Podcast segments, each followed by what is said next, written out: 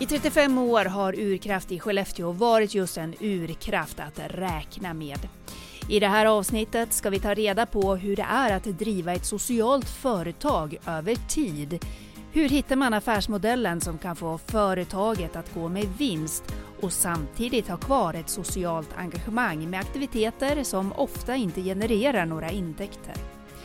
Med på länk från Skellefteå har jag idag Therese Lundgren som är projektledare och handledare på Urkraft. Hej Therese! Hej! Kul att ha dig med! Ja, men det är kul att få vara med. Berätta, vad är Urkraft för någonting?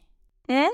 Urkraft är ett eh, arbetsintegrerande socialt företag som finns i Skellefteå.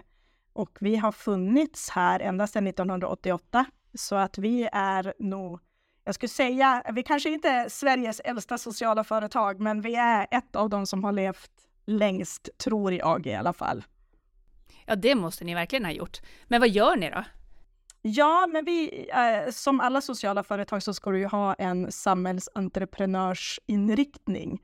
Eh, och du ska ju ha ett eh, samhällssyfte med det du gör. Eh, och vårt övergripande syfte är att, att arbeta för att återintegrera människor i arbete och samhälle. Eh, och det är väl egentligen det som, som är våran grund. Eh, sen vad vi har för olika eh, affärsmöjligheter till att göra det här, det kan ibland ha varierat över tid. Eh, för den som kanske kände till urkraft på 90-talet och i början på 2000-talet, då, då stod urkraft för mycket som hade med Skellefteåfestivalen att göra till exempel. Eh, men sen en massa år tillbaka så är det ju inte vi som driver Skellefteåfestivalen eller Stadsfesten som den hette efter det. Men vi, vi jobbar egentligen med olika projekt och uppdrag och tjänster där allting har som syfte att, att återintegrera människor i, i samhället. Mm. Så det är inte bara mot arbetsmarknaden utan det är ett större perspektiv ni har? Ja, men det kan ju ibland vara så här att eh, en del människor kanske inte är redo för ett arbete eller redo för studier till exempel. Och då kan vi ibland också vara en, en mötesplats för, för människor som kanske behöver det här steget innan man är redo för arbetslivet. Eh, just den biten är ju svår att finansiera, kan man ju krasst säga. Det är ganska många som har behoven av en social mötesplats, men att, att få det att, eh, att gå runt som affärsmodell är ju väldigt svårt. Så därför så, så kan ju vi då istället Ja, men vi kanske har vissa projekt och uppdrag och vi säljer tjänster inom ramen för olika former, men det överskott som vi gör om vi har tur att vi går med vinst ett år till exempel. Det väljer vi ju då att, att äh, återinvestera eh, utifrån de värdegrunder och de, ehm, de mål som vi har. Eh, så därför så kan det ju vara så här att vi, för några år sedan till exempel, ett par år sedan så bestämde vi oss för att köpa en ny verksamhet. Gamla Rydlinge plantskola blev utlagt till försäljning och vi tänkte att det här skulle vara ett helt fantastiskt ställe för människor att kunna jobba tillsammans och växa genom att vi tar hand om en trädgård, genom att vi odlar, genom att vi jobbar med återbruk och så där. Så det blev som en, av, en avknoppning, för det är en del av vår ordinarie verksamhet, men det blev ändå som en ny, ett nytt spår i vår verksamhet. Är det ett spår där ni faktiskt kan tjäna pengar och göra affär på det, eller är det mer här, i sådana typer av projekt som ni återinvesterar vinsten ni gör på andra tjänster?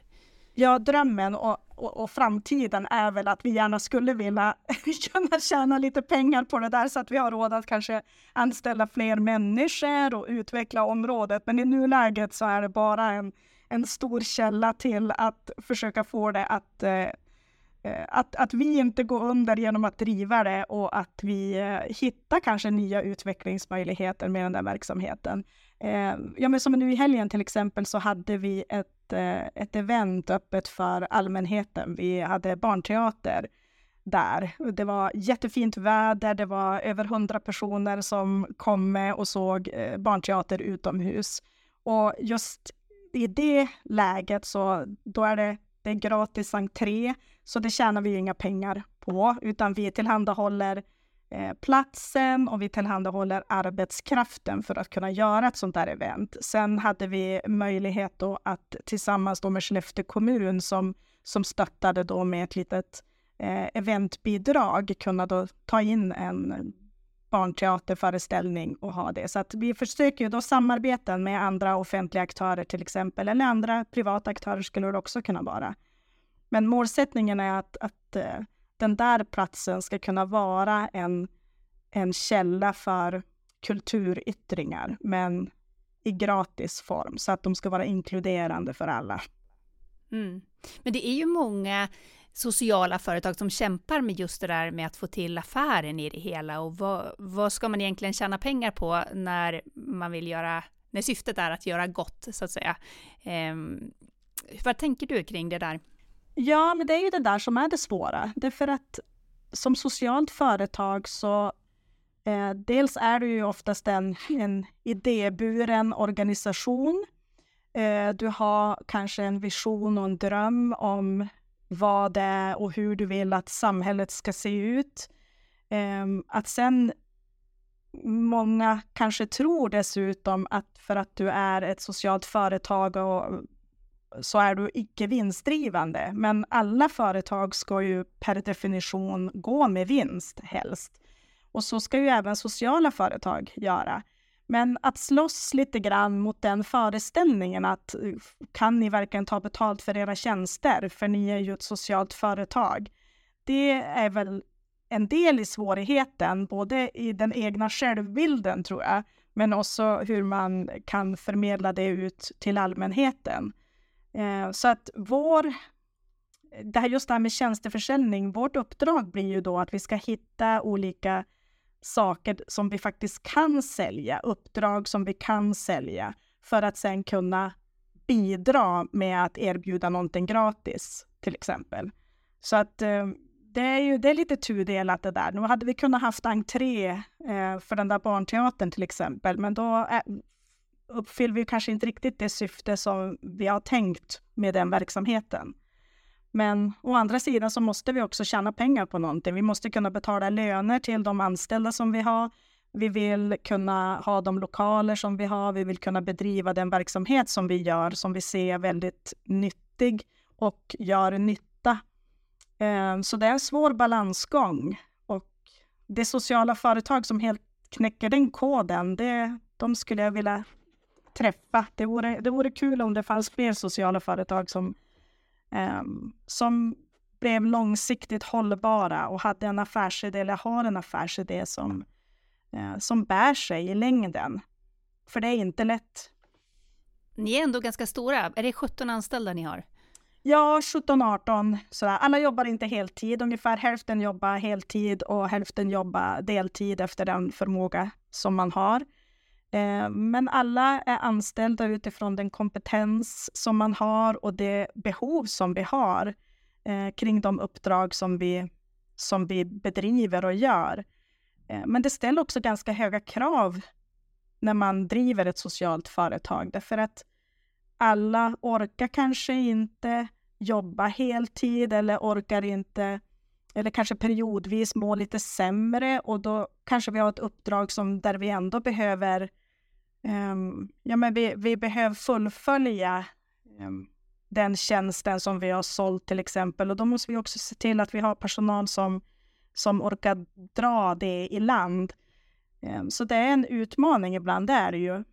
Men samtidigt så finns det nog inget ingen sorts företagande där jag tänker att man blir så sammansvetsad som man blir när man driver ett, ett arbetsintegrerande socialt företag. Därför man, eh, jag tror alla, alla förstår sin roll och alla förstår hur, hur man behövs.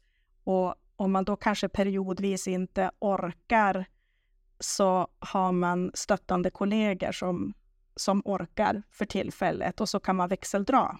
Sådär. Så att, men det är, en, det är en stor utmaning att, att bedriva företag överhuvudtaget och att driva ett socialt företag är en ännu större utmaning skulle jag tro.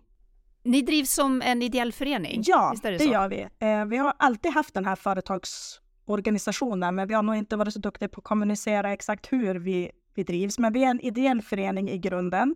Det är föreningen Urkraft. Sen så äger föreningen ett aktiebolag eh, och det är i det aktiebolaget som många delar av eh, verksamheten bedrivs. Och det har att göra med, ja, men med moms och det har ibland att göra också med transparensen där vissa upphandlingar kräver ju att man är ett, i aktiebolagsform och inte en ideell förening till exempel. Um, så att vi har väl genom åren stött och blött lite grann kring hur vi ska ha, vad vi ska ha för organisationsform. Men vi har kommit fram till att det här passar oss ganska bra faktiskt. Därför att ibland så, vissa projekt driver vi i föreningsform och vissa uppdrag behöver vi vara i aktiebolagsform. Men det som då är viktigt för oss, det som är otroligt viktigt, det är hur vi då tydliggör att eh, inga pengar lämnar verksamheten eh, annat än till föreningen. Så att de enda, eh, om man kan säga så här att pengarna kan bara gå från föreningen till aktiebolaget eller aktiebolaget och föreningen. Eh, det här är väldigt viktigt när vi gör våra årsbokslut till exempel. Vi publicerar alltid föreningsårsbokslutet på vår hemsida och också aktiebolagsbokslutet. Eh, och så, så att det ska vara tydligt att man kan se vart pengarna eh, är i verksamheten och så. Så att eh, för det här kan ju ibland missuppfattas. Man tänker att ja, men då driver de vissa delar i aktiebolaget och så finns det någon okänd ägare som plockar ut vinst och så där. Men den enda ägaren till aktiebolaget är föreningen. Mm, just det. Men apropå bokslut då, jag har hört mm. att ni gör något som kallas för socialt bokslut. Mm. Det börjar vi med, eller egentligen, jag har jobbat väldigt länge på Urkraft. Jag har jobbat sedan början på 2000 och vi har väl genom åren försökt ha sociala bokslut. Eh, men det är ganska, det är ganska ska säga, jobbigt att göra sociala bokslut. Det kräver ganska mycket eh, av en organisation och vi har väl haft en lite dålig struktur på det kring hur man samlar information och hur man sammanställer den och så där. Men för några år sedan så bestämde vi oss för att som komplement till våra ekonomiska bokslut så ska vi ha sociala bokslut också för att visa på de sociala eh, och samhällsnyttiga värdena som vi faktiskt bedriver. Så vi vill, vi vill visa då hur många deltagare vi har haft i vår verksamhet, eh, hur många som har gått till jobb, hur många som har klarat studier, hur många som har klarat körkort, hur många som har börjat aktivera sig mer, hur ofta man gör utåtriktade samhällsaktiviteter eh, och sådär. Så att alla olika sorters mätformulär har vi nu och så sammanställer vi dem i ett socialt bokslut varje år.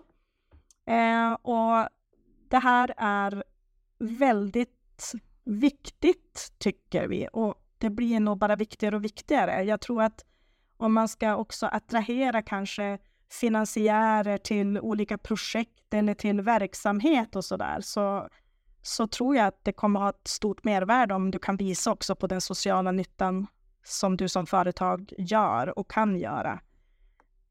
Så att det, det, kommer in fler och fler parametrar i det sociala bokslutet för varje år, så det blir bara längre och längre och mer och mer att hålla reda på. så där, så nu har vi också funderat på om vi ska göra någon lite kortare populär version av det, för att det börjar ha ganska många sidor. Så. Mm. Just det. Mm.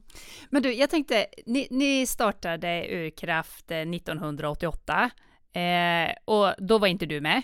Eh, du ser ut att vara alldeles för ung för att vara med då och du började på 20, i början av 2000 sa du. Eh, men, men eh, kan du beskriva hur resan har sett ut från att, eh, alltså när det startade, vad var Urkraft då och hur har det utvecklats? Ja, men det här är lite spännande därför att jag har faktiskt varit med nästan från början, men med 94 där så var jag deltagare för då var jag ung och arbetslös och så. Så att jag har faktiskt varit delaktig i en väldigt stor del av den här resan som Urkraft har gjort. Men eh, i, i, sin korthet kan man väl säga att eh, i slutet på 80-talet alltså startade av ett gäng socialarbetare som, som kände att vi måste tackla det här med ungdomsarbetslösheten på ett annat sätt än, än vad som görs i offentlig regi. Så de, det var egentligen de som var idébärare. Vår grundare Stig-Arne Bäckman, Stigge, eh, gick väl mycket i bräschen, men, men tillsammans med, med tre andra eh, personer så startade han igång Urkraft. Och i början så var det, det var ett, eh, vi hade ett café eh, och sen byggdes en innebandyhall, för det var ganska stort det här med innebandy. Eh, och sen under en period där i början så hade vi också, drev vi en konferensanläggning i Lövånger, Lövånger kyrkstad och så. Och det var i samband med det som, som jag var, jag var ung och arbetslös och jag visste inte vad jag ville plugga på universitetet så att jag hade då ett, ett, ett år man kunde vara som deltagare på Urkraft och, och känna sig för och testa lite olika saker.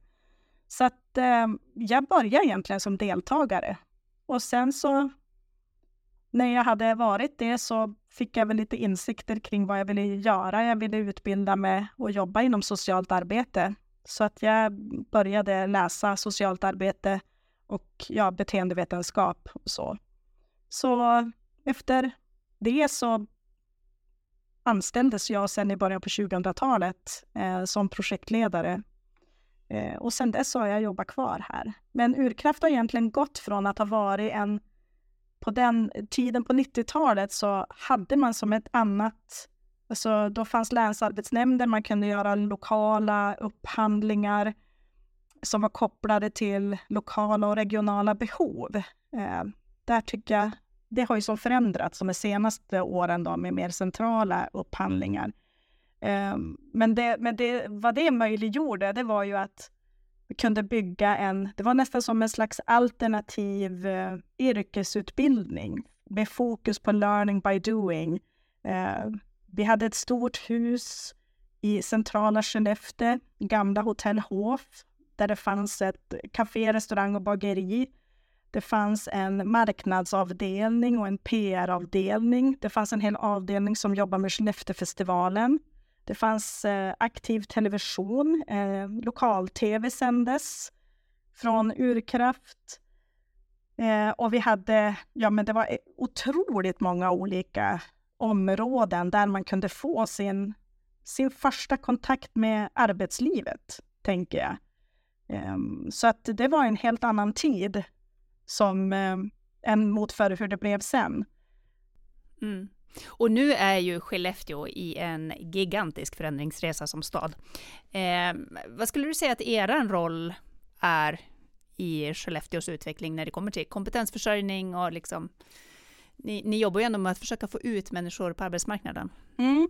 Ja, men där ser jag, som nu till exempel, så har vi enorma utmaningar när vi har i princip ingen arbetslöshet alls. Och där Eh, men där vi ändå har ganska många människor som inte får ett jobb eller lyckas behålla ett jobb. Och det finns någon slags eh, missmatchning där på, eh, inom kompetensförsörjningen. Och där ser ju jag att, att vår roll eh, skulle kunna vara, eller är i mångt och mycket, just facilitatorn. Vi kan vara den här eh, förberedande eh, faktorn för personer innan man är redo att gå ut på en praktik eller testa sig på arbetsmarknaden. Att man får komma till oss, man, får, eh, man kan få eh, rutiner i sin vardag, eh, man kan få stöd att eh, pröva sig fram, både praktiskt men även kanske lite teoretiskt. Eh, komma sig igång med friskvårdsaktiviteter till exempel. Att eh, om man har svårt att ta körkort så kanske det sitter i att man har svårt med körkortsteorin, vilket ofta är ett problem.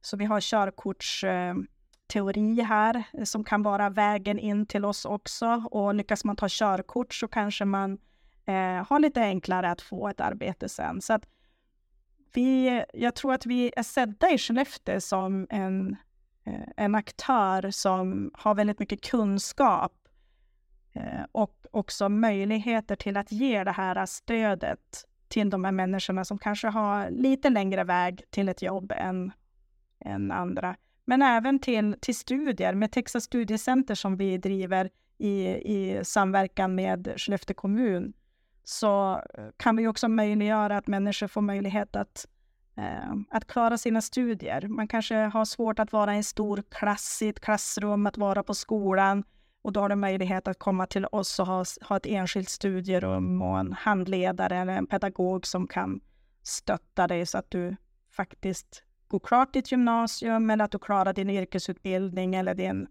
eh, förberedande kurs till exempel. Så, så att eh, det är väl det som är vår roll nu, tänker jag. Men skulle du säga då, har det förändrats någonting? Jag tänker, den kompetens som nu efterfrågas i Skellefteå, eh, man letar liksom över hela världen efter eh, kompetens till företagen och även mm, rent allmänt fler människor så att säga.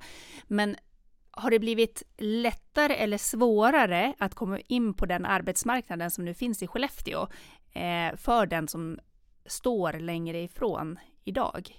Förstår du vad jag menar? Alltså ökar klyftorna där eller blir det lättare?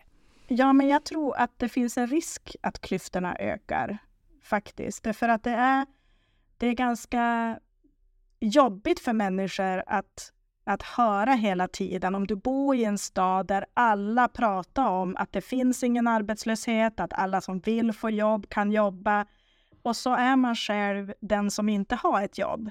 Det är klart att det gör ju någonting med människor att höra det och att, att säga det högt, att jag har inte ett jobb.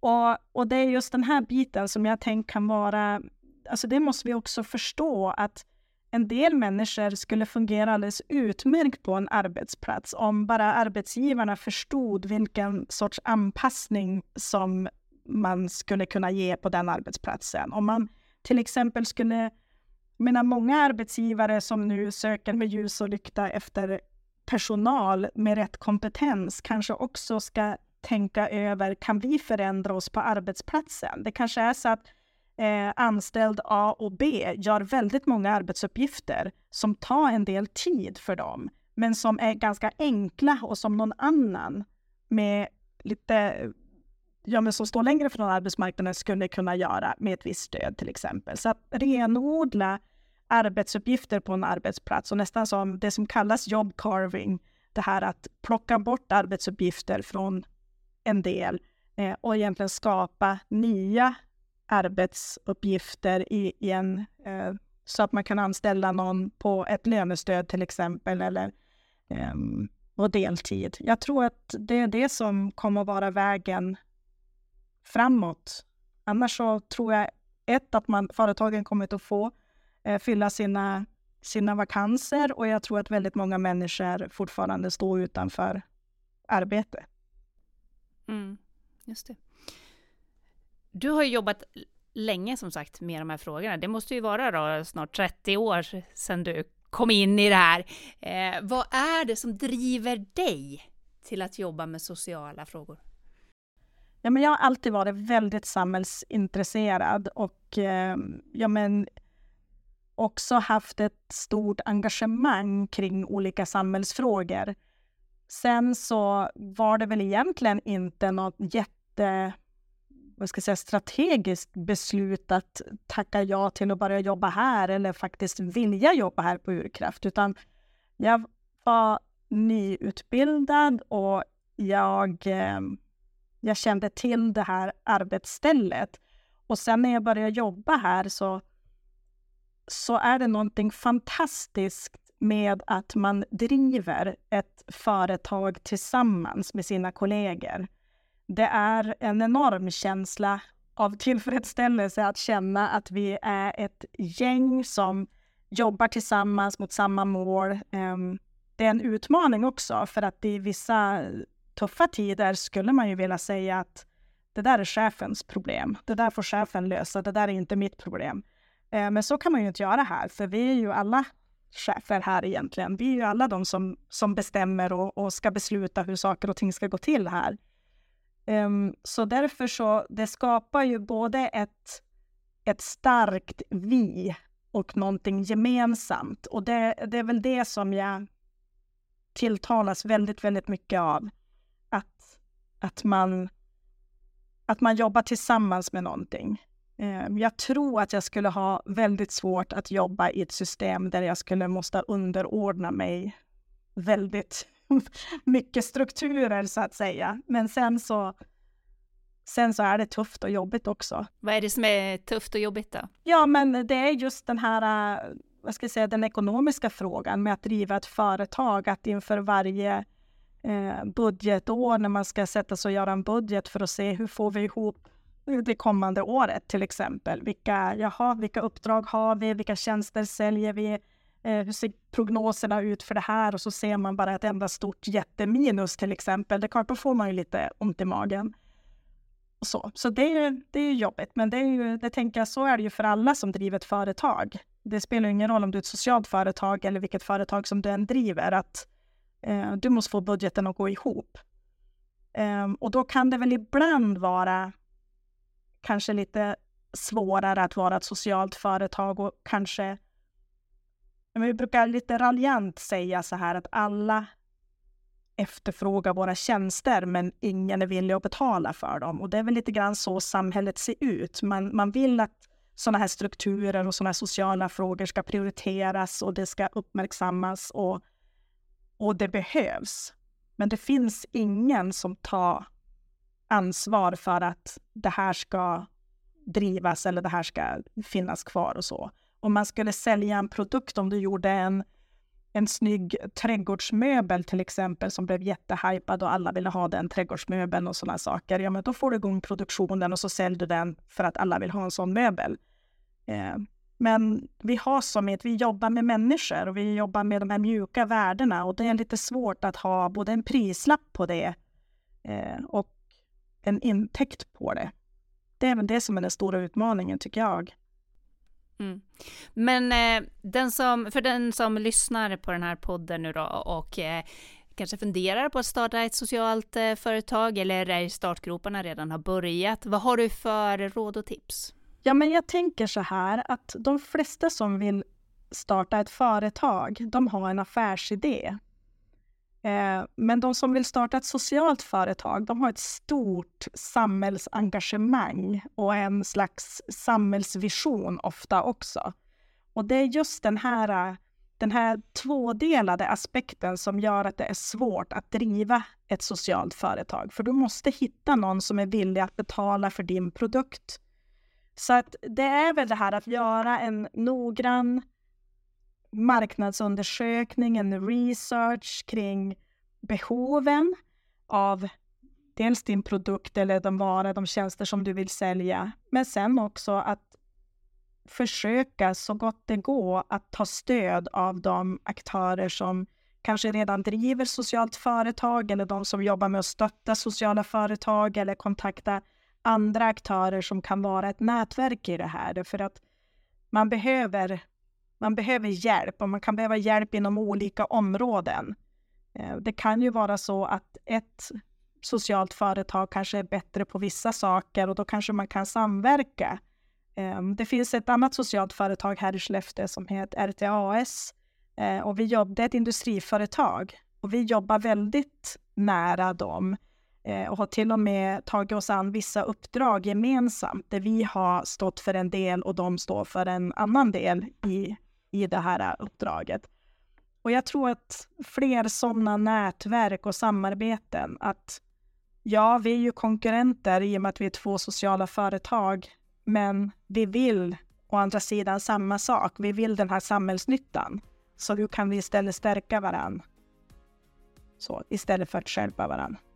Therese Lundgren, stort tack för att du var med i Människor med mod. Det här är en helt ny podd för alla sociala idéer där ute. Jag heter Elin Leijonberg och Människor med mod, den kooperativa kraften, det är en podd skapad av Companion Västerbotten. För dig som vill vara med och göra skillnad. Följ oss gärna i din poddspelare och eftersom vi är helt nya i eten, hjälp oss att sprida podden om du gillar den. Tack som har lyssnat. Vi hörs!